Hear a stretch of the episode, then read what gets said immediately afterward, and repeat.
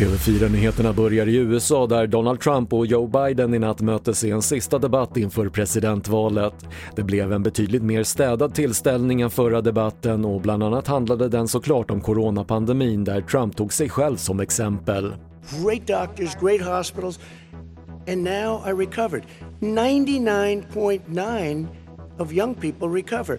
99% of people recover. He says that we're, uh, you know, we're learning to live with it. People are learning to die with it. Stopp för stora publikevenemang är den enskilt mest effektiva åtgärden för att få stopp på spridningen av coronaviruset. Det visar en studie som publiceras i The Lancet dagen efter att gränsen för antalet personer på evenemang höjts i Sverige. Studien har undersökt en rad åtgärder som stängda skolor och arbetsplatser och stopp för evenemang. Och idag inleds rättegången mot två unga män som misstänks ha sålt narkotika på Darknet under flera år. Enligt åklagaren är det den största försäljningscentral på det krypterade nätverket som någonsin påträffats i Sverige och försäljningen till ett 20-tal länder ska ha omfattat mångmiljonbelopp.